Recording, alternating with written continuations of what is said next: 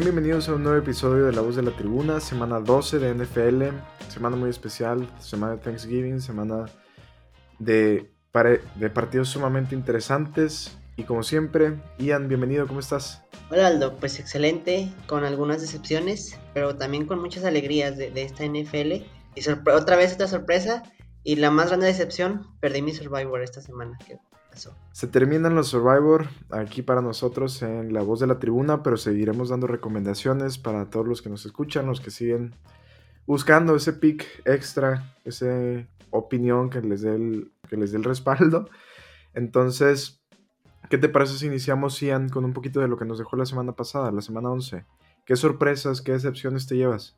Mira, sorpresa definitivamente ese equipo de Tennessee y sorpresa y decepción al mismo tiempo, no solo por mi Survivor, la manera en que Ryan Tannehill jugó, o sea, cuatro intercepciones, no, no es como para como para menos o como para no prender focos rojos, sobre todo porque todavía me dijera si fuera un rival contendiente, un rival o, o no contendiente, al menos competitivo, pero la verdad es que fue en contra de unos Texans que venían de uno, una victoria en toda la temporada en contra de unos Jaguars, que tampoco te decía mucho.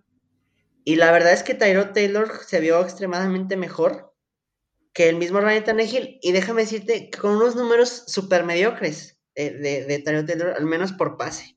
Incluso por, por tierra. O sea, tuvo 28 yardas en 6 acarreos. Sí, tuvo sus dos touchdowns, sin duda alguna. Eh, de hecho, la ofensiva de Houston fue un paupérrima. Y, y fue suficiente. Eso es lo que me preocupa, que la ofensiva de Houston fue pésima. O sea, Tyrod Taylor estuvo malísimo también en números. Solo 107 yardas por aire.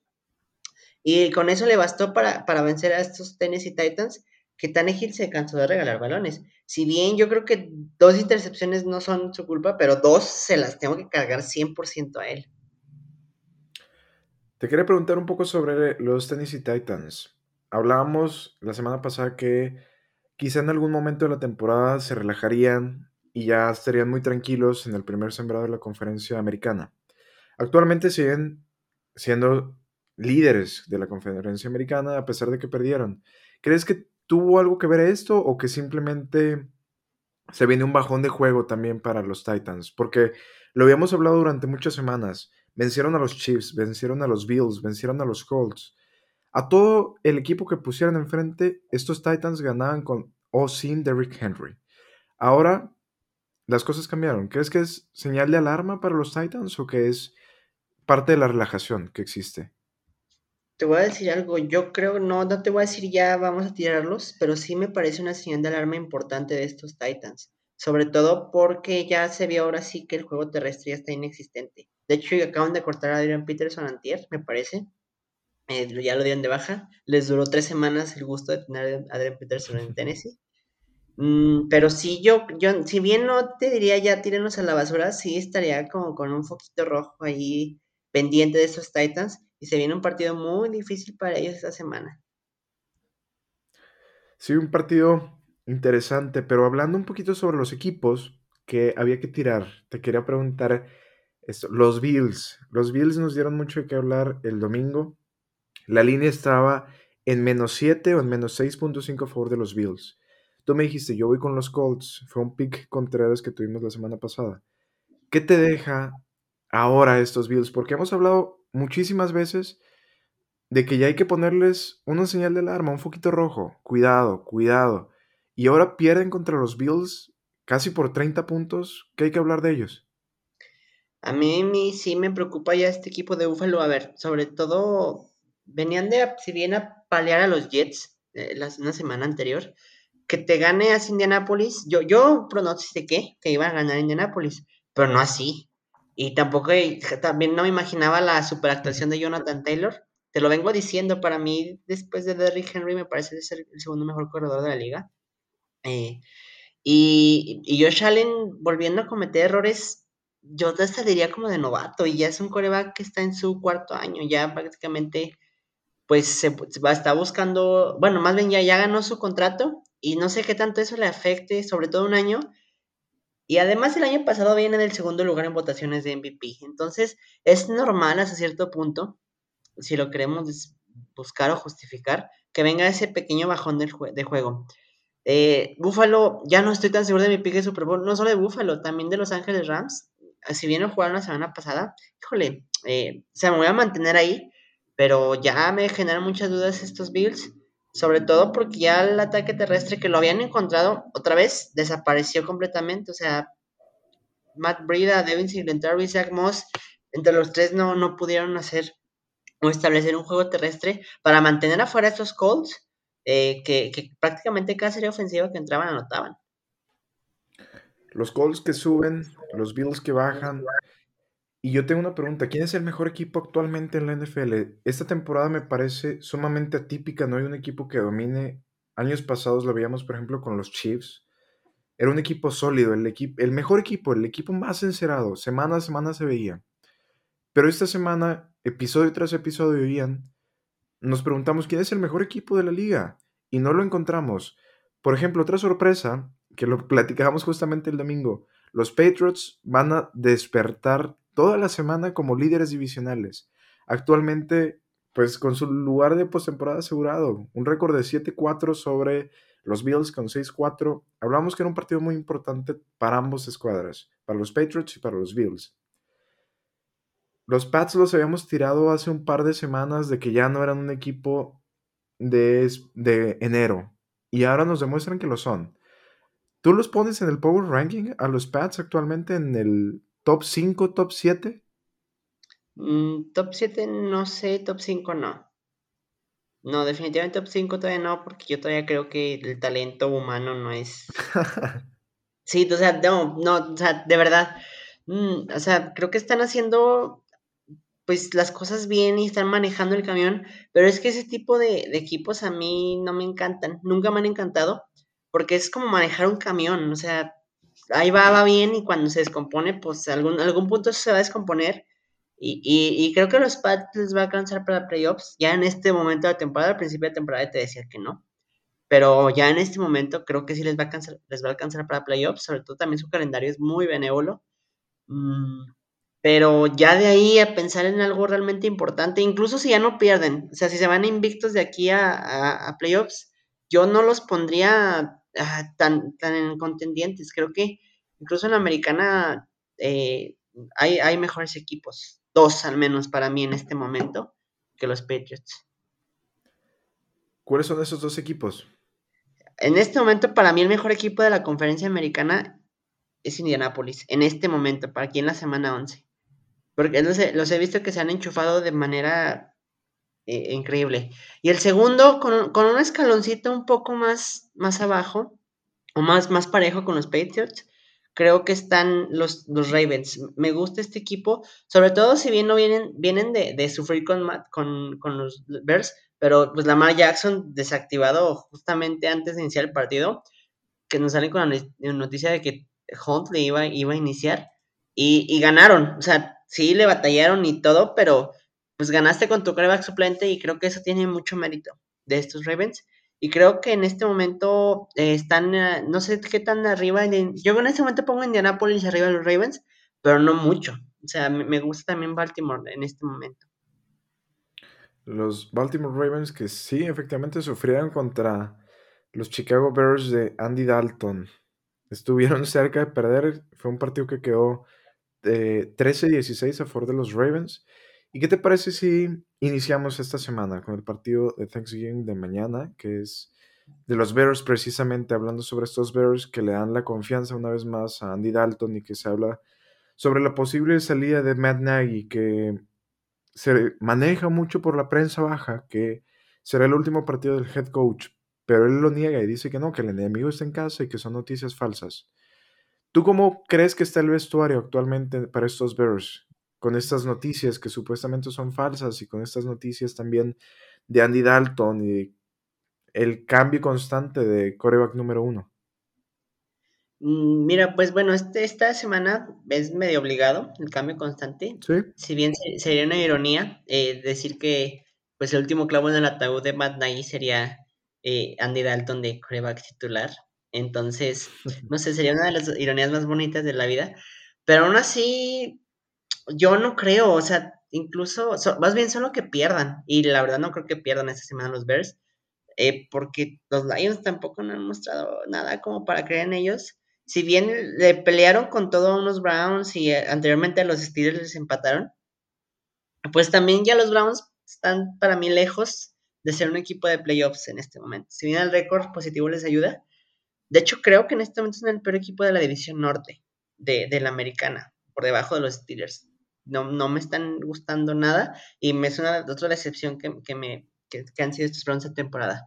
Volviendo un poquito a los Lions, mmm, es que es un equipo pues también sin talento humano. O sea, pones a, se, te pierde Jared Goff, pero luego pones a Tim Boyle de titular la semana pasada.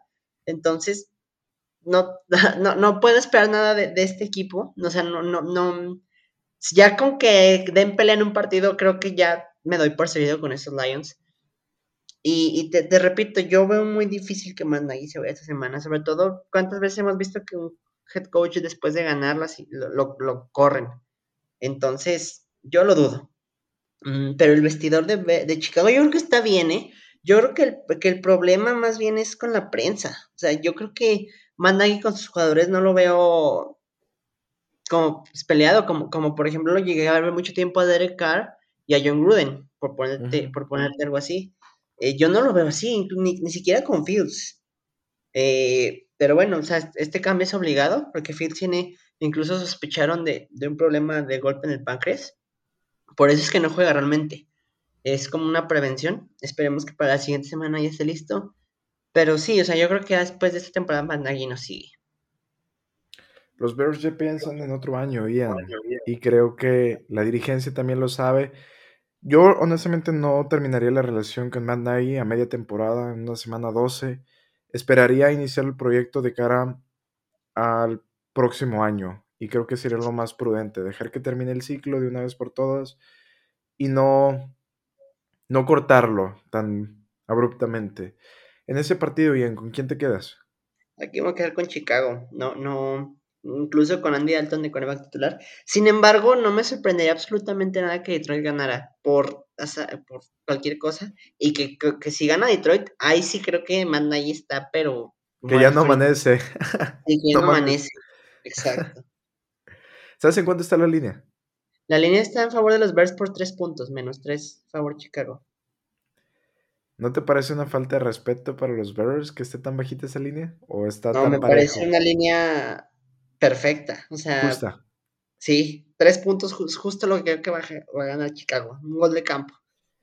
Se enfrentaron hace un par de semanas estos Bears contra los Lions. Ganaron los Bears por más de 10 puntos. Por 10 puntos, me parece. Entonces, pues quizá yo tampoco creo que sea un partido tan disparejo. Siento que los Lions han sido competitivos en algunos partidos, pero en otros se han visto pésimo. Y coincido en que son el equipo con menos talento actualmente en la liga, un equipo totalmente desahuciado, desarmado, pero que por ahí le puede dar una sorpresa a estos Bears en el primer partido del jueves de Acción de Gracias. ¿Te parece si pasamos al siguiente? A los Cowboys contra los Raiders. Uf, un partido que, que más que este me gustaría analizar el anterior de Dallas. Vamos con el de la estrella solitaria. ¿Qué hay que decir sobre los Cowboys que perdieron contra los Chiefs por 10 puntos? Domingo por la noche. No, domingo a las 3 de la tarde, perdón. Sí, domingo 3 de la tarde. Mira, este partido me, mostró muchas cosas. La primera de ellas, eh, creo que ya el, miedo que le, le teníamos a, los Chiefs creo que está empezando a crecer un poquito más, están, están conectando y están conectando en la parte importante de la temporada. Eh, aquí yo lo tengo que aplaudir a un personaje de, los Kansas City Chiefs, Steve Spagnolo. Eh, formó el plan de juego perfecto para detener a Dallas. Básicamente lo que hizo Steve Spagnolo dijo, ok, ahí te van los hombres a la caja, no te voy a permitir jugadas de 7 yardas, de 5 yardas, de, de 3 yardas, quiero que me lances profundo, sobre todo ya después todavía de, que sale CD Lamb conmocionado en el partido, Steve Spagnolo se va con todo y, manda ocho hombres a la caja. Y básicamente Kansas City lo único que hace es jugar prevent, prevent, prevent. Y blitz y, blitz tras blitz tras blitz. Entonces así quemaron completamente a Dak. O sea, lo, secaron. Y para mí eso es un gran mérito, sobre todo del coordinador defensivo Steve Spagnolo.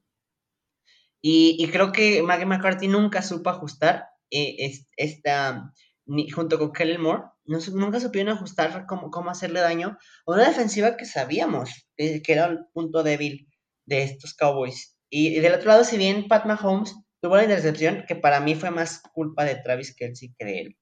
Eh, en, este, partido sí tengo que justificar esa intercepción, pero de ahí en fuera, o sea, creo que están volviendo estos Chiefs, eh, pues de alguna manera que están ganando de diferentes maneras y, ya, ya, no van a, porque o sea, Mahomes no tuvo un partidazo, de hecho creo que está, muy lejos de tener un partidazo, 23 completos de 37 eh, intentos, 260 yardas, 0 touchdowns, una intercepción, eh, tres capturas, un quarterback rating de 171.9, muy lejos de ser un, pues de ser un partido incluso medianamente bueno para Mahomes. Y, y aún así ganan los chips, y eso es lo que yo rescato de estos, de estos chips. Y, y, yo no sé si prender las alarmas en Dallas, sobre todo, mm, creo que aún así pues van a estar bien y van a llegar a playoffs. O sea, todavía creo en estos Cowboys, sobre todo por el talento humano que tienen dentro del, roster. Me interesa la parte que dices de los Chiefs que van conectando rumbo al cierre de la temporada regular. Y creo que hay que tener cuidado con eso, porque hablábamos de, en algún momento nos preguntamos, ¿los Chiefs les va a alcanzar realmente a colarse a postemporada? Y decimos, no, es peligroso, no están jugando bien, no se ven sólidos. Pero semana a semana van mejorando y quizá no, no mejoran, por ejemplo, en la defensiva, no es una defensiva top, pero siguen teniendo bastantes armas a la ofensiva y con que mejore un poco la defensiva, el equipo se balancea y puede ser peligroso. Y por ejemplo, yo en un partido, matar o morir, no quisiera enfrentarme a estos Chiefs nunca. No sé tú cómo veas el pareo, por ejemplo, para el resto de los equipos de la conferencia. No, sin duda, o sea, creo que Kansas City viene, viene creciendo, viene jugando mejor semana tras semana. Y, veremos qué, qué, más nos muestra. Me parece que esta semana se van de bye, si no me equivoco. Eh, entonces, mm, pues tienen estas dos semanas, tienen pues el descansito. Y, y bueno, más bien aquí sería, ¿qué son estos Cowboys? ¿Qué son estos Cowboys? En ese partido que se enfrentan contra los Raiders mañana, ¿cómo ves el pareo? ¿Con quién te quedas? ¿A quién te gusta tomar? Me quedo con Dallas. O sea, están de locales. El, clásico juego de Thanksgiving, de que tienen los Lions y los Cowboys de locales cada año. Mm, y, sobre todo los Raiders que se están cayendo estrepitosamente. Eh, de hecho, los Bengals en todo momento se vieron muy superiores en el, en el partido anterior. Y, también, sobre todo, yo no vi, creo que esta semana pasada no vimos tantas actuaciones fuera de Aaron Rodgers y Kirk Cousins, que fueron unas grandes actuaciones de coreback. Eh, ambas. Y, pero, Joe Burrow tampoco tuvo, pues, que tú digas, wow, qué, qué, impresionante. Aquí el que, el que sacó las papas fue Joe Mixon. 30 carreos, 123 yardas, dos touchdowns, o sea, bastante bien eh, de parte de los Bengals. Y, y de estos redes, pues creo que se, se veía venir, ¿no? O sea, después de tantos problemas eh, fuera del campo, pues en algún momento iba a pasar factor al vestidor. Y bueno, Rick aquí está aquí para, para sobrevivir la temporada, eh, hacer lo mejor que puedan. Y seguramente el siguiente año pues va a llegar un nuevo head coach. No sé si ese nuevo head coach vaya a crear un quarterback nuevo. Y Derek Carr, yo creo que aquí se está jugando, pues probablemente su, su, titularidad no solo en las Vegas Raiders, sino también pues buscarla en algún otro equipo. Los Raiders que vienen de perder tres partidos seguidos, ¿te preocuparías si pierden un cuarto? No, porque, o sea, creo que lo van a perder. O sea, pero preocuparme de que si o sea, era, era, ya era insostenible lo que, lo que estaba pasando en Las Vegas y, y pues su calendario, pues en la siguiente semana probablemente puedan ganar en contra de, de Washington pero también depende que Washington se vayan a topar. Eh, pero después de ahí viene Kansas, Cleveland, Broncos, o sea, Indianapolis, no, o sea, no, Las Vegas va a terminar con temporada perdedora. Eh, Los Ángeles Chargers, o sea, van a cerrar en contra de Los Ángeles Chargers. Entonces, híjole, sí, lo veo muy complicado para estos Raiders y creo que si ganan uno de los siguientes partidos, estaría, yo creo que se darían por bien servidos. Una vez más, los Raiders con eh, temporada perdedora, como fue la temporada pasada, que iniciaron excelente y se cayeron. Esta vez fue, pues obviamente, por factores extracancha, que ya todos sabemos, John Gruden y todos los casos del vestuario. Me preocupa a estos Raiders, me preocupa para sus aficionados, que sabemos que son muchos, que cambian de ciudad, cambian de todo, pero no dan el ancho, no dan esa espina. Entonces, esta semana voy contigo, un pick que compartimos, vamos con la estrella solitaria, vamos con los Cowboys. Y un partido sabroso mañana a las 3 de la tarde. Para Va a estar bueno. La, línea, de hecho, la línea me parece muy alta. Están 7 y medio a favor de Dallas. Yo no estoy tan seguro de que la cubra Dallas. Los Dallas Cowboys, 7 y medio. La verdad también me parece alta, ¿eh? 6.5 probablemente. 7.5 ya no me da confianza. Sobre todo con Mike McCarthy ahí. Exacto. Sí, Voy a cansar de tirarle, lo siento, aficionados de Dallas, pero Mike McCarthy no, merece tener un trabajo en la NFL. Bien, Ian, pues pasamos ahora sí a los juegos del domingo, domingo 28. 12 del mediodía, un partido que te interesa a ti, los Bengals frente a los Steelers. Los Steelers, última llamada, ahora sí, última, ultimísima llamada para aspirar a postemporada. ¿Qué te deja este partido? ¿Qué esperamos? Vamos a esperar el regreso de la defensiva, que, a ver, 41 puntos, permitieron más de 500 yardas de la ofensiva de los Chargers. Y mucho, muchísimo tuvo que ver la ausencia de, de, Minka Fitzpatrick, de Joe Hayden y de Trent Jordan Watt. O sea, los tres pilares junto con Cam Hayward, que él sí jugó, pero y ya, de esta defensiva, pues básicamente hicieron lo que hicieron estos Chargers eh, tanto por tierra, bueno, de alguna manera por tierra medio pararon, y te digo medio porque no ajustaron las 100 yardas eh, los corredores, pero Herbert solito corrió 90 yardas, entonces. Eh, y la 182. La intercepción para mí es un, más que error de él, es un acierto completo de Camp Hayward. Justamente te hablaba de él. Ese rebote en el casco y que luego le cae a Cameron Sutton. Fue un juegazo, pero hasta el último cuarto. O sea, antes de los Chargers estuvieron en completo control del encuentro. Eh, los Steelers no hubo un momento en el que, o sea, hubo un momento en el que se, bueno, probablemente remonten porque son los Chargers y lo que sea. Yo vi que perdieron el partido cuando, cuando en la penúltima, me parece, serie ofensiva, em, hicieron el gol de campo, que básicamente, el, el sí, el de Chris Boswell, em, en vez de, de lograr la anotación, lograron el gol de campo y se pusieron 37-34 arriba los, Steelers. En ese momento yo sabía que iban a perder el encuentro. Sobre todo por cómo se aprovechó la oportunidad de haber matado a los Chargers. Porque te aseguro que si entran a la anotación, los Chargers ya no regresan. ¿Y qué pasó la siguiente ofensiva justamente después? En tres jugadas les avanzaron 75 yardas, en tres. O sea, básicamente fue como... Y luego entra Rotisberger y la línea ofensiva, sobre todo Joe High, el 71 guardia izquierdo, pues una avenida total. O sea, estaban en cuarta de 32 cuando necesitaban pasar. O sea, de alguna manera ya sabías que esto, esto no iba a suceder. Pero te digo, aquí yo tengo más que criticar de los Chargers, de cómo dejaron que se les subiera un equipo que al, inicio del, cuarto cuarto iban 17 puntos arriba Los Ángeles Chargers. En el cuarto cuarto los Steelers metieron 27 puntos. Más de la mitad de lo que habían... O sea, en los anteriores tres habían metido 10 puntos.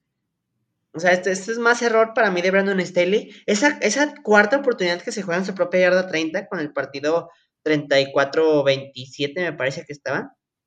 Eh, sí, 34-27.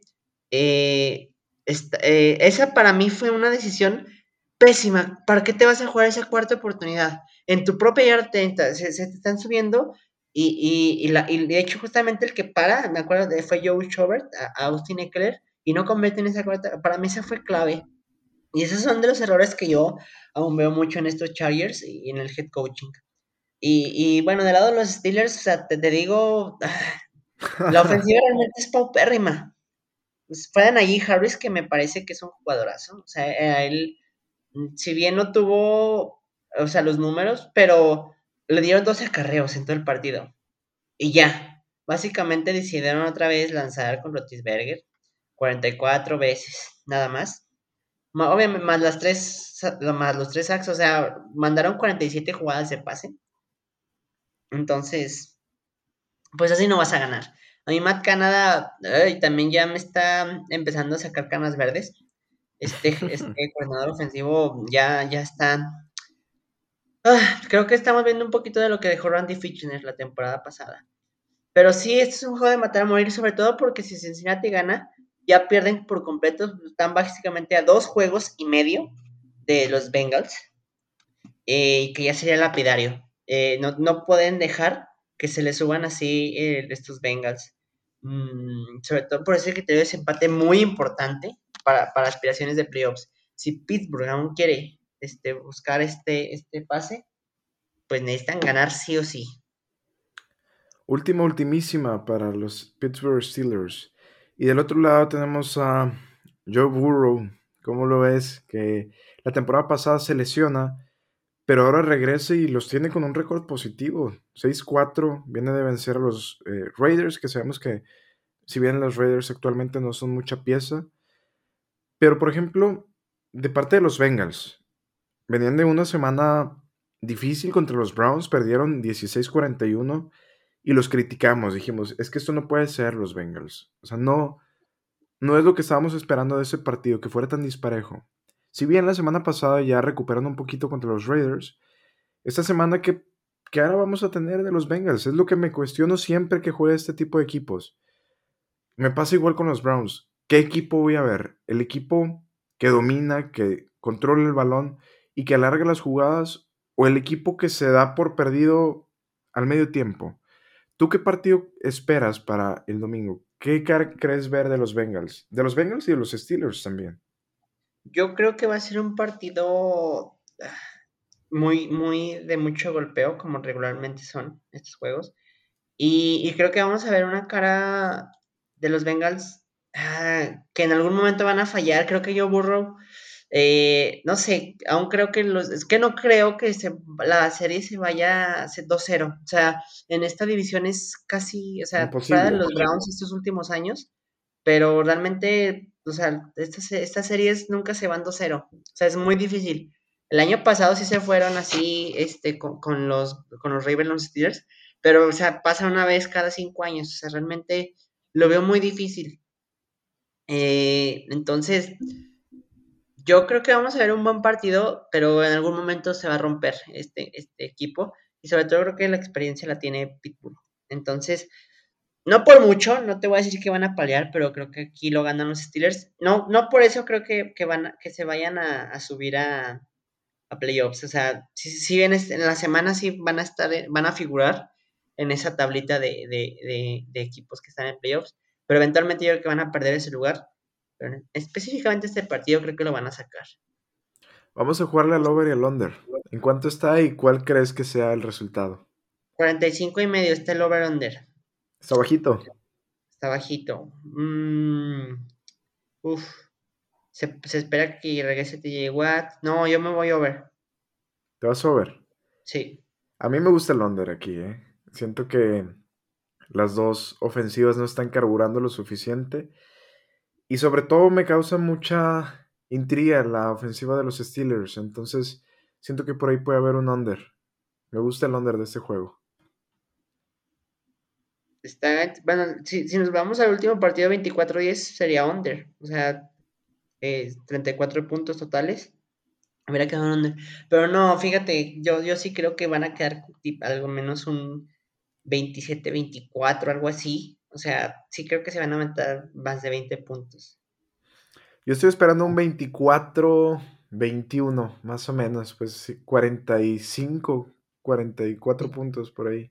Under. Under, sí, yo, yo lo espero muy apretado. Este partido realmente, al ser divisional, al ser matar o morir para los Steelers, como lo hemos platicado durante todas estas semanas, que ya prácticamente cada semana es salir con el cuchillo entre los dientes considero que no va a ser tantos puntos. Y por ejemplo, los Steelers, tú lo mencionaste, la semana pasada anotaron todos sus puntos en el último cuarto y por errores de la defensiva, por ser tan permisivos los Chargers, 27 puntos en el último cuarto, difícilmente creo que se repita una puntuación tan alta. Siento que va a ser un partido largo, como dices, de mucho golpeo, muy ríspido y de pocos puntos. Entonces, pues ahí ya está un pick distinto para esta semana. Ya no tanto con el ganador. Y ya, ahora sí, hablando sobre el ganador, te vas con los Steelers. Yo me voy a quedar con Pittsburgh. Creo que este lo van a ganar. Con los Steelers de visita. Así es.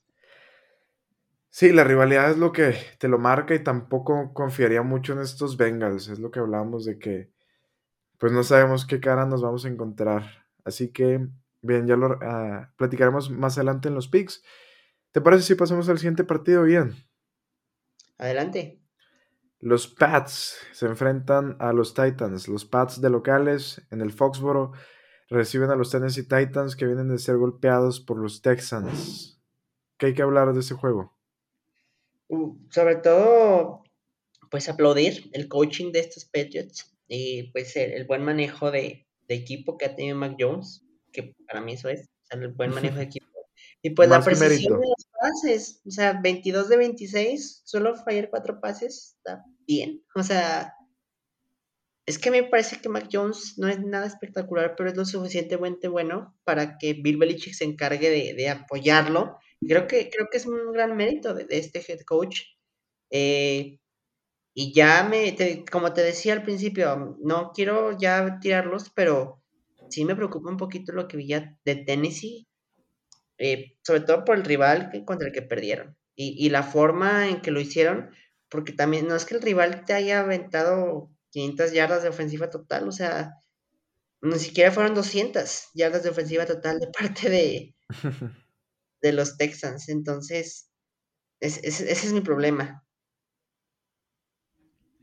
Entonces, no, o sea, yo aquí, por lo que he visto las últimas semanas y, no sé, creo que sí, pero sí, los Patriots van a sacar. Y en Foxborough es un partido muy importante. Y también aquí tiene muchas buenas implicaciones de playoffs. Mm, porque, bueno, a lo mejor Tennessee ya ganó su división, sobre todo por el criterio de desempate que tiene contra Indianapolis. Mm, por eso ese partido que, que perdieron hace 3, 4 semanas, eso es, es, el segundo partido de Tennessee contra Indianapolis, lo decíamos, Aldo. Ese no lo puede perder Indianapolis porque si no se les básicamente perder la división. Eh, porque el criterio de desempate lo tiene completamente Tennessee. En, caso de que los alcancen en victorias y derrotas, pues Tennessee se va arriba por el simple hecho de, ese, de ese criterio de desempate. Mm, pero sí, aquí los Patriots lo están haciendo bien. Y yo creo que en su casa, si bien la línea no la van a cubrir, ¿eh? está muy alta para mi gusto, seis y medio. No, no la veo cubriéndolos pero sí me quedo con los Patriots para sacar este partido. Yo pensé que en este partido íbamos a ir Contreras, incluso te lo dije antes de grabar, creo que por ahí podemos ir distintos, pero no, vamos, igual siento que los Pats se están viendo bien semana a semana y que mucho tiene que ver el cocheo, más que, o sea, también lo decías al inicio del episodio, es un camioncito, un camioncito parchado, le faltan algunas piezas, sí, pero va funcionando. Yo me preocuparía más en la postemporada, sus aspiraciones reales. En el momento en que falle alguna pieza, ¿qué va a pasar con ese camión? Siento que ahorita no les falta nada, que van por buen camino y que van a llegar embaladitos para enero. Así que esta semana también me quedo con los Pats y por ahí pueden tomar el primer sembrado en la conferencia americana, eh. Cuidado, que ya está cerca. Para eso sí es muy importante esa, por esto decía que tiene muchas implicaciones de playoffs importante. Si, gana y es una combinación de resultados que pierda Baltimore, New England Patriots, primer lugar de la americana. ¿Qué tal? Sin Tom Brady y muchos que decían que Bill Belichick no era lo suficientemente bueno de head coach.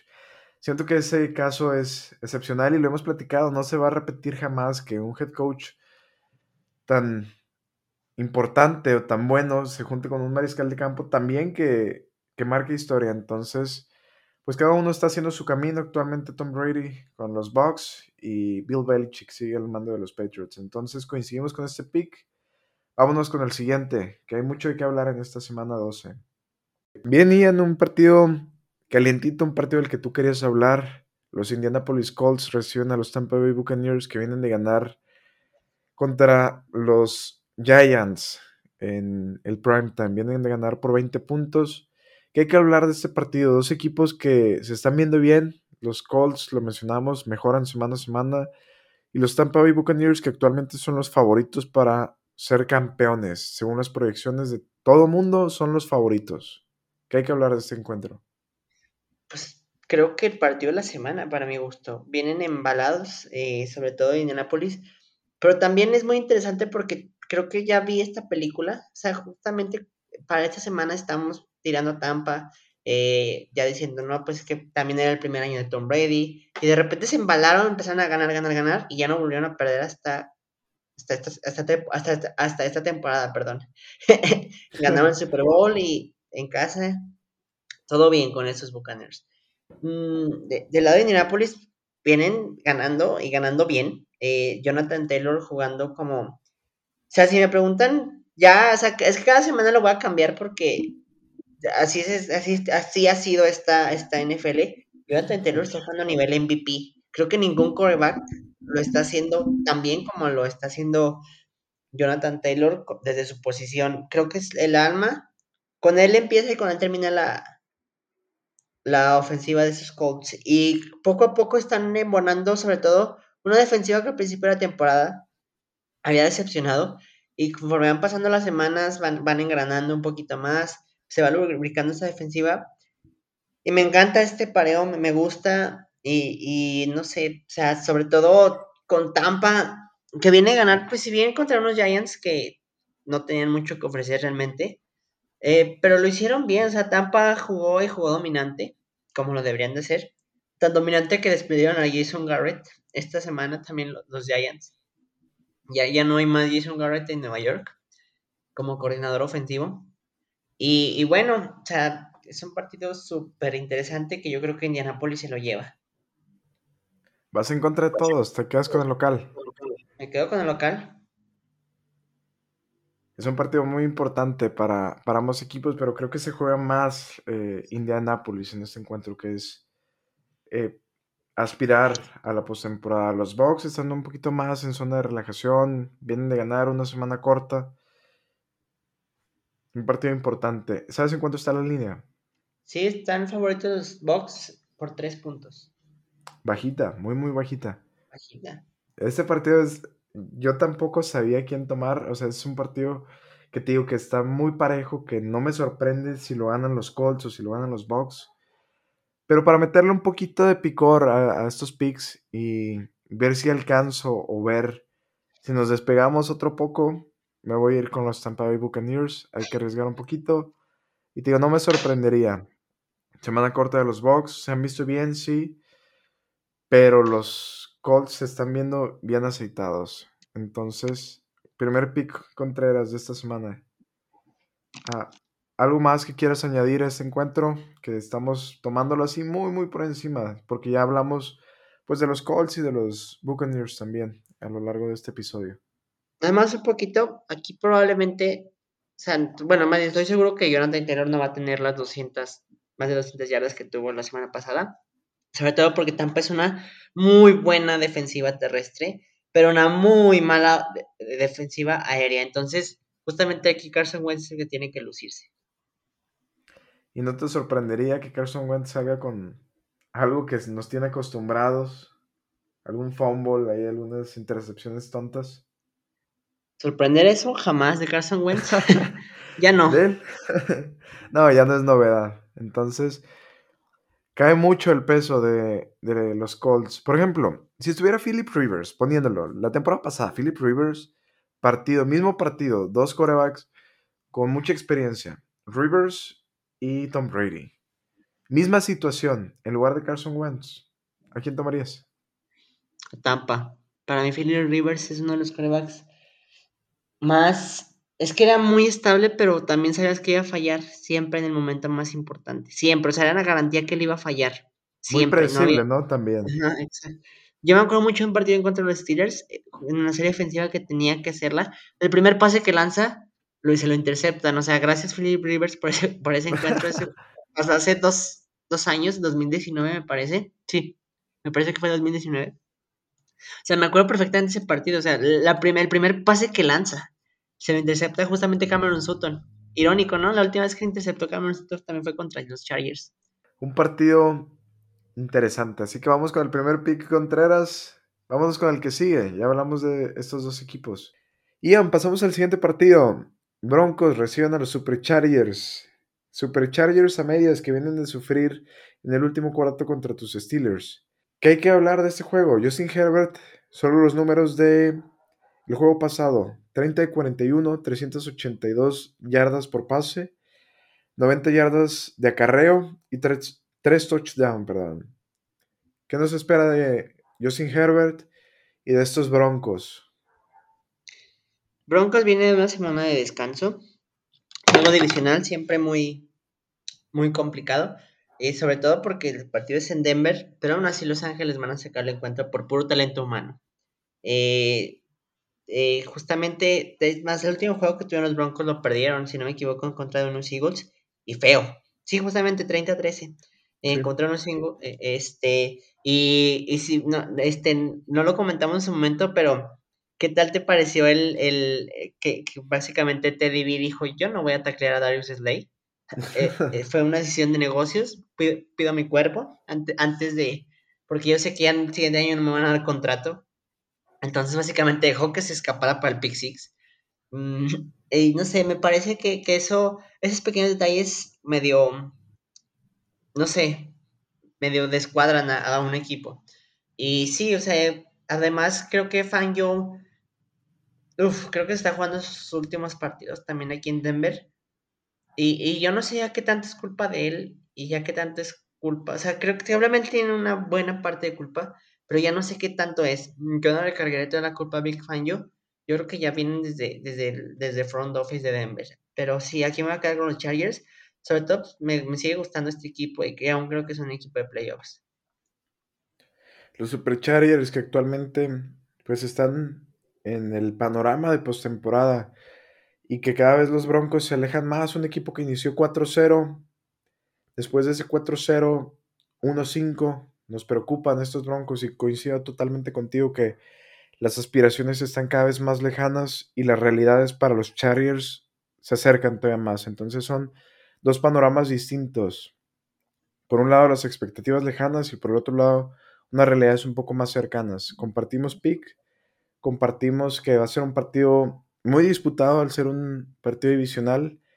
¿En cuánto está la línea y a quién tomas? Está en favor de los Chargers dos y medio. Me quedo con los Chargers con esa línea. Muy bajita de visita. Así es. Un, gol de campo. Vamos con, vamos con esa línea. ¿Algo más que quieras platicar de ese partido o nos vamos al encuentro que le traes ganas de los 49ers contra los Vikings? Vamos al siguiente. 49ers 5-5, Minnesota Vikings 5-5. Vikings que vienen de ganar frente a los Packers lo habíamos hablado que durante todas las semanas de esta temporada regular habían tenido una ventaja de 7 o más puntos y que su récord quizá no les daba ese respaldo. Pero la semana pasada lo ganaron frente a los Packers, un partidazo 34-31. ¿Qué esperamos de estos dos equipos? Esperamos otro partidazo, definitivamente en el Levi's Stadium. Aquí uno se va de playoffs. Es o sea, el que gane, pues básicamente está, está de lleno en esta conversión. Y el que pierda va a decir adiós, sobre todo por criterios de desempate. O sea, esto es un juego de playoffs para ambos, sin duda alguna. Ambos con récord de 5-5. Hace un par de semanas, tú hubieras dicho dos semanas atrás que alguno de estos dos iba a entrar a playoffs. No, probablemente los Vikings. Los 49ers, no. No, no y en este momento están en, en su en la pelea, están en la pelea. Están en la pelea 5-5, de hecho Minnesota tiene, tiene, su, su, tiene su destino controlado y los Niners están justamente atrás de ellos. Mm, me, me gusta este encuentro, eh, eh, creo que, eh, y sobre todo, me gusta porque no es en Brighton, entonces no vamos a ver eh, friquearse a, a Kirk Cousins. Entonces, está, está, el juego me gusta, eh, el, el, head coaching, el juego es San Francisco, pero aquí un problema, San Francisco es bastante malito de local, o sea, no le va bien regularmente en su casa. Es, mucho, es un equipo mucho que le va mucho mejor fuera de ella. Entonces, por ese pequeño factor, yo me tengo que dar con Minnesota para este encuentro y creo que Kyle Shanahan va a lanzar una o dos decisiones que vamos a decir, Ay, hijo de tu madre, o sea, no sé, sí. Yo, yo sí veo algo así en el, en el encuentro. Están favoritos los 49ers por 3. Yo creo que Minnesota les va a sacar el partido. También por 3, porque Minnesota no tiene acostumbrados a, a perder o ganar por, por poquito, pero yo hoy, le creo a Minnesota, sobre todo porque no es en Brighton. Me gusta, sobre todo Justin Jefferson, qué jugadorazo, qué receptor sacaron el año pasado estos Vikings. A mí me gusta el momento de los Vikings, me gusta mucho la cara que mostraron frente a los Packers, a pesar de estar abajo, a pesar pues de sufrir realmente. Iniciaron ganando el partido, pero en, cierto punto sufrieron contra, contra estos Packers. Así que me gusta el momento y siento que al tener su destino en las manos, van a saber controlarlo un poquito mejor que los 49ers. Los 49ers son el equipo obligado, el equipo obligado porque están en casa y porque el criterio de desempate no les favorece en este momento. Así que los Vikings arriesgan menos, pero por ahí pueden sacar la sorpresa. A mí me gusta la línea a favor de los Vikings, 3 eh, de visita. Entonces también el factor de la localía que no suele pesar mucho para estos 49ers. Compartimos pick, Ian, un partido más. Y seguramente ya tendremos algunos otros. Siento que por ahí esta semana tenemos dos o tres distintos. ¿Algo más de qué hablar de, de este juego? Ah, un pequeño dato, Mike Zimmer desde que, desde que está de head coach de Minnesota, eh, tiene un año de playoffs, otro que no entra, un año de playoffs, otro que no entra y así. Y el año pasado me entró, entonces vamos a ver que si este año se sigue cumpliendo esa regla con Mike Zimmer. Yo en este momento los tengo que entrar. ¿Tú los tienes que entrar? Sí, eso sobre todo por cómo está la conferencia nacional. Creo que están arriba de unos Panthers, incluso de, de, los, Saints. De los Saints, sí, sin duda alguna. Sí, yo en ese momento los tengo en el panorama de, playoffs.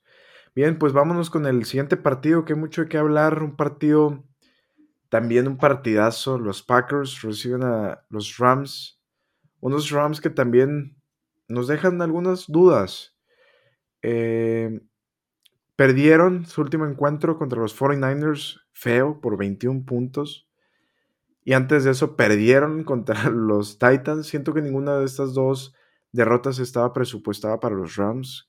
Incluso creo que tú y yo no los teníamos en los picks, así que los teníamos a los Rams ganando. Y los Packers que vienen de perder y antes de eso vienen de una semana complicada sin Aaron Rodgers. Entonces siento que ya se está aclarando un poquito más eh, el aura en los Packers. ¿Qué podemos esperar de ese encuentro contra los Rams? Un encuentro difícil de ver por donde, por donde tú me digas. Mm, ¿Qué cara vamos a ver de Matthew Stafford? A mí ya me está preocupando un poquito también este Stafford. Eh, creo, y él estaba leyendo una opinión de, uno de los insiders de, de, la NFL, y creo que tiene algo de razón. O sea, Stafford nunca, creo que nadie nunca va a dudar del talento que tiene. Pero estuvo tantos años dentro de una franquicia mediocre. Perdedora, sí. mediocre perdedora. O sea, los Lions, o sea, estuvo 12 años, me parece, al frente de ese equipo. ¿Y qué tanto puedes de un año para otro cambiar esa, esa, esa dinámica? Que no es nada fácil. O sea, si bien es probablemente muchísimo mejor equipo que, que los Lions, por muchísimo, eh, tanto en head coaching, que en talento humano, lo que tú me digas, pero, ¿qué, ¿qué, tanto podemos cambiar, o sea, esa mentalidad que, que, que la, que está acostumbrada Matthew Stafford de Detroit? Entonces, sí me genera un poquito ya de, o sea, de dudas y este, este, este, este quarterback. Y también, pues, de la, o sea, ha estado cometiendo errores. Pero Green Bay también, este, la semana pasada creo que, creo que era un partido complicado, sobre todo por cada visita en Minnesota. Mm, pero aún así yo creo que debieron haberlo ganado. O sea, yo creo que hombre por hombre siguen, siguen siendo un, buen, un mejor equipo que, los mismos eh, que los mismos Vikings. Mm, y, Aaron, Aaron, Rodgers tuvo un partidazo. O sea, 23 de 33, 385 yardas, 4 touchdowns, 148.4 de coreback rating. ¿Qué más le puedes pedir? O sea, jugó excelente. O sea, no, no puedes criticarlo a él. O sea, a este partido en específico sí, sí, no, no le puedo achacar nada a él, pero Uf, el juego es en Green Bay, ya está haciendo frío en Green Bay, ya incluso hace un par de semanas estaba nevando en el Lambo. Field. Ajá. Uf, Los Ángeles, el viaje es largo. Sí, está muy lejos. Eh, en la NFL eh, pasa algo característico. No es tan fácil ver los equipos y decir, ah, sí, no hay tantos factores. Aquí afecta el clima, afecta el aire, afecta todo. Absolutamente cada factor en la NFL es, muy importante. Exacto, también. Tengo que preguntarte, Ian, ¿con quién te quedas? Pregunta obligada. Los Packers, récord 8-3 de locales, los Rams 7-3. Hasta la línea está súper pareja, está con un punto en favor de los Packers, menos está prácticamente en pick.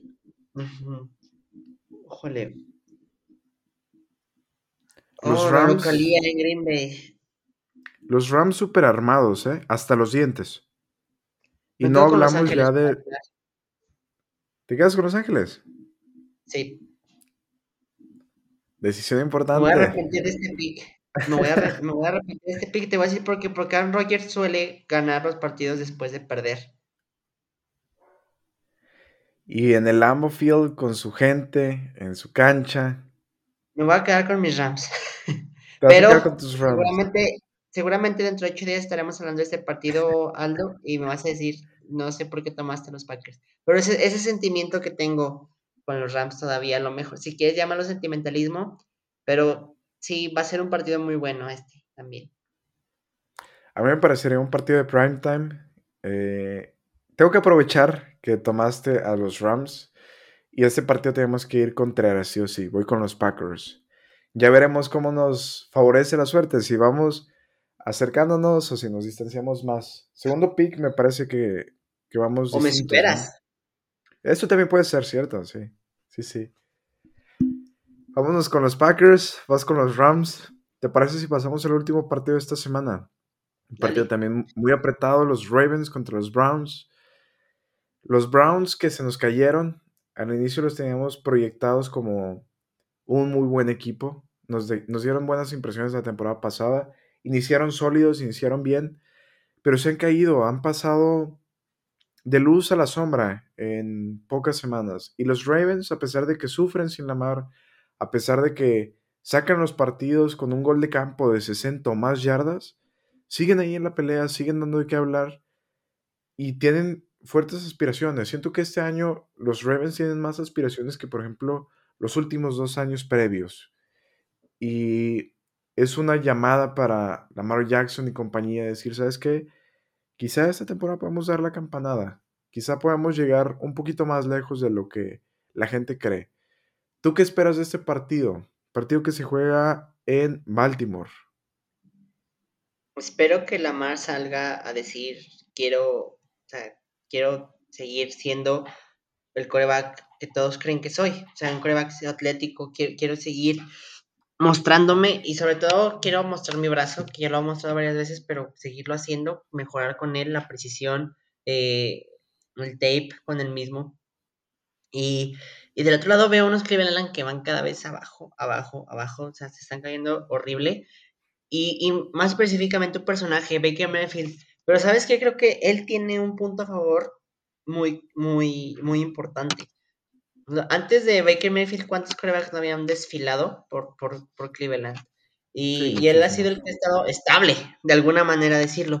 Pero ¿qué tanto quieres a Baker? A mí me parece un coreback que a la larga va, a terminar siendo Jared Goff. O sea, no sé por qué me, tengo esa impresión de Baker Mayfield. O sea, no te estoy diciendo que él sigue año, pero en un par de años más, yo no, yo no estaría tan seguro de que yo quiero a Baker Mayfield como mi coreback franquicia. Y él sí se está jugando, a él todavía no le pagan. A él todavía no tiene un contrato firmado. Y se lo está jugando. Y Stefanski probablemente quiera decir, ¿sabes qué? Mi proyecto contigo no va. Y creo que eso es lo que ya se está jugando, es lo que se está jugando más específicamente Mayfield, más que todo el equipo. Y, y, y, me duele porque es un equipo que tiene talento. O sea, tienen bastante talento en el roster. Y, y, Baker Mayfield los ha estado frenando fuerte en algunos partidos. Ya les costó unos tres partidos al menos esta temporada. Pregunta obligada, Ian, ¿con quién te quedas en este partido? Baltimore. O sea, creo que en este momento es un mejor equipo y pues la experiencia de Harbaugh le gana a la de Stefanski por mucho. Entonces, me voy a quedar con Baltimore para ganar el encuentro. De locales y también coincido en que les cuesta mucho a estos Browns, a pesar de que tienen talento, mucho más talento que hace algunos años. Sabemos que sufrieron una temporada 0-16 y que a partir de ahí inició la reconstrucción. Pero esta reconstrucción, ¿hasta qué punto va a llegar? Y si realmente va a llegar, lo dices, Baker Merfield les está costando y ya no sabemos cuál es el plan con este equipo. No, aún no tiene su contrato. Ian, en este momento, se acaba la temporada hoy, ¿tú le firmas a Baker Mayfield su contrato multimillonario para que ya sea tu coreback franquicia? Justamente ese es, el, ese, es el detalle, Aldo, multimillonario. O sea, él no va a querer un contrato de 20 millones por año. Él va a querer un contrato parecido al de Dak, 35, 36 millones al año. Yo, en este momento, o sea, si se acaba, no, no, no. Sobre todo porque ya me demostró que él no, bajo presión, se va a romper que no voy a esperar demasiado de él. Y para un quarterback franquicia con ese talento, pues no lo, no me sirves. O sea, pero también es una decisión, yo entiendo que es una decisión súper difícil para Cleveland, porque ¿cuántos corebacks antes de él habían desfilado ahí? Sí, no sabes qué pueda seguir después de él, no sabes qué es lo que venga. Además, estoy seguro que si no, o sea, bueno, de hecho tiene la opción de, o sea, más bien, ya tiene la opción de quinto año Baker Mayfield, o sea, para el siguiente año sí tiene contrato con Cleveland pero para el, millonario aún no lo tiene, el contrato que todos buscan. Tiene la opción de quinto año por ser primera ronda y ya saben cómo se manejan estos, estos, estos este tipo de, de, de, transacciones en la NFL del draft. Pero ya más allá de ese quinto año, no, o sea, yo, o sea, si lo tuviera que firmar y si se me pone necio, ¿sabes qué? Vendo a Becker Mayfield, denme una segunda ronda, porque pues si se pone necio y quiere trade, seguramente este, nadie va a pagar una primera ronda por él, o a menos un equipo muy desesperado, Pittsburgh, este, por coreback. este, sí, no, de verdad, ¿eh? O sea, es, yo ya no creo que Big Ben siga al siguiente año, entonces, y ya no, o sea, con todo y lo malo que puede hacer Mayfield, lo prefiero a él antes que a Mason Rudolph, entonces, mil veces. Eh, no sé, creo que el siguiente año va a ser muy interesante también para el mercado de corebacks. Este año en lo particular fue de muchos movimientos de corebacks. Un carrusel de corebacks, entradas, salidas. Y el siguiente también, incluso para los head coach, ¿eh? No, me ah, sorprendería ver muchos movimientos. Así a la brava, te voy a decir corebacks que yo creo que ya se van. Con dos que estoy seguro que se van a ir y con, y de y con otros que los sospecho. Estoy seguro que Aaron Rodgers el siguiente año no regresa a Green Bay. El primero, estoy seguro que Jimmy Garoppolo el siguiente año no regresa a San Francisco. Segurísimo. De esos dos estoy seguro. De los que tengo ahí que están ahí en el mercado, probablemente que Mayfield sea uno de ellos. Otro que, veo ahí tambaleándose, eh, se me va Derek Carr. O sea, de todo depende de cómo, con quién llegue el coach. Yo creo que Rotisberger se va a retirar, o sea, o sea, él no va a entrar al mercado, pero pues Pittsburgh va a ser otro equipo que va a necesitar. Coreback. Eh, pues aquí, más que nada, yo creo que van a estar en el mercado de corebacks, pues el equipo de Carolina en general. No creo que vayan a darle un contrato a Cam Newton, a menos que por alguna extraña razón los meta playoffs y se vea como el MVP del 2015. Es la única manera que veo que le vayan a armar contrato. Entonces, eh, no sé. O sea, creo que sobre eso, te va a dejar eso en la mesa. Pero sí, o sea, creo que va a estar, va a estar interesante ver cómo se mueve este, este mercado. Ya di que quieres a tú en esa mesa también. Menciónalo. Lo quiero, pero ¿sabes qué? Se, ha estado viendo mejor y no sé qué tan tanto vaya a ser para su para su carrera, porque yo de verdad creo que él, tú a Brian Flores no, no va a funcionar. De verdad, yo sigo creyendo que ese tú a Brian Flores no va a funcionar. Y por ahí, cuidado, ¿qué? Que también Brian Flores. Ah, de Sean Watson. Olvidé de Sean Watson completamente. Sí, de Sean Watson cambia de equipo próxima ah, temporada. Firmado. De, aquí se les dijo, ya todo el mundo lo sabe, es un rumor, a, una verdad a voces. Entonces, pues se viene un mercado interesante, pero Pues actualmente estamos en la mejor época del año. Hola, hola, ¿me escuchas? Probando, probando. Ya. Probando, ya. probando. Ya, ok. Sí. Ah, Escuchaste estaba de Sean Watson. sí, de Sean Watson que se va. Pero eso ya lo hablaremos al final de la temporada. Actualmente estamos en la mejor época del año. Tenemos fútbol cada semana. Así que vámonos. ¿Te parece si pasamos con los picks de una vez, Ian, para cerrar este episodio? Adelante. Iniciamos con el partido de Thanksgiving. El primero a las 11.30 de la mañana. Lions reciben a los Bears. Aquí creo que gana Chicago. Vámonos con los Bears, compartimos pick. Eh, los Dallas Cowboys, la estrella solitaria, recibe a los Raiders. Dallas gana de local este encuentro. No hay mucho que hablar de esos Raiders, compartimos pick. Vamos con los Cowboys. Los Saints, un equipo incógnito, recibe a los Bills, un equipo que se nos ha estado cayendo semana a semana. Yo creo que Buffalo tiene que ganar, tiene obligación y lo va a hacer. Obligado a ganar Bills una vez más. Después de dar una mala cara, la siguiente semana tiene que responder. Compartimos pick. Y los Saints, lo hablamos durante toda la temporada, ya no sabemos ni siquiera qué cara tienen. Ya no sabemos mucho de este equipo. Es que no tienen coreback. Así es, no tienen coreback 1, coreback 2, ni siquiera coreback 3. Entonces Otro equipo que va a estar en el mercado, anótenlo. El siguiente año. se suman los Saints. Pasamos al siguiente partido del domingo. Los Bengals contra los Steelers. Steelers gana de visita en el Paul Brown Stadium. Se van 1 a 1, compartimos pick. Eh, partido divisional.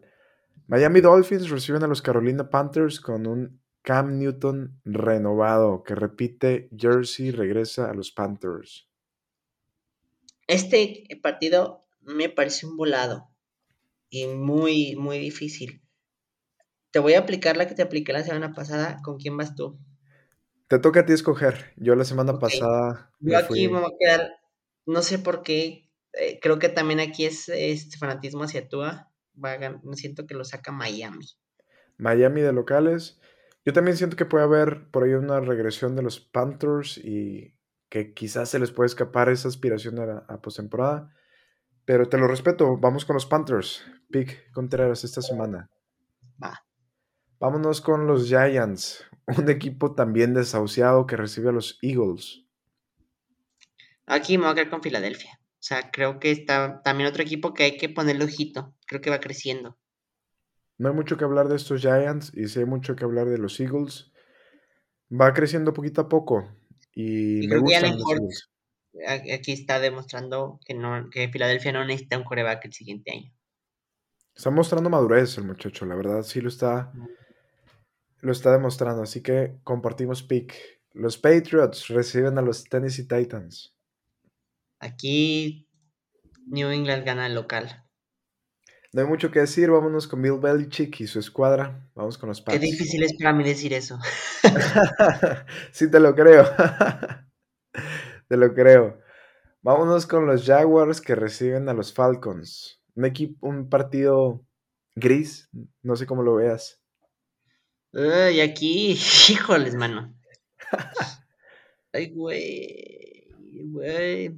No, tengo que quedarme con Atlanta, sí, no, no, no creo que Urban Meyer vaya a salir con algo tan interesante. Atlanta gana el Compro, encuentro. compro Atlanta también. Los Jaguars son un equipo que no me da más confianza. Indianapolis Colts reciben a los Tampa Bay Buccaneers. Indianapolis, la victoria se queda en casa, en el Lucas Oil Stadium.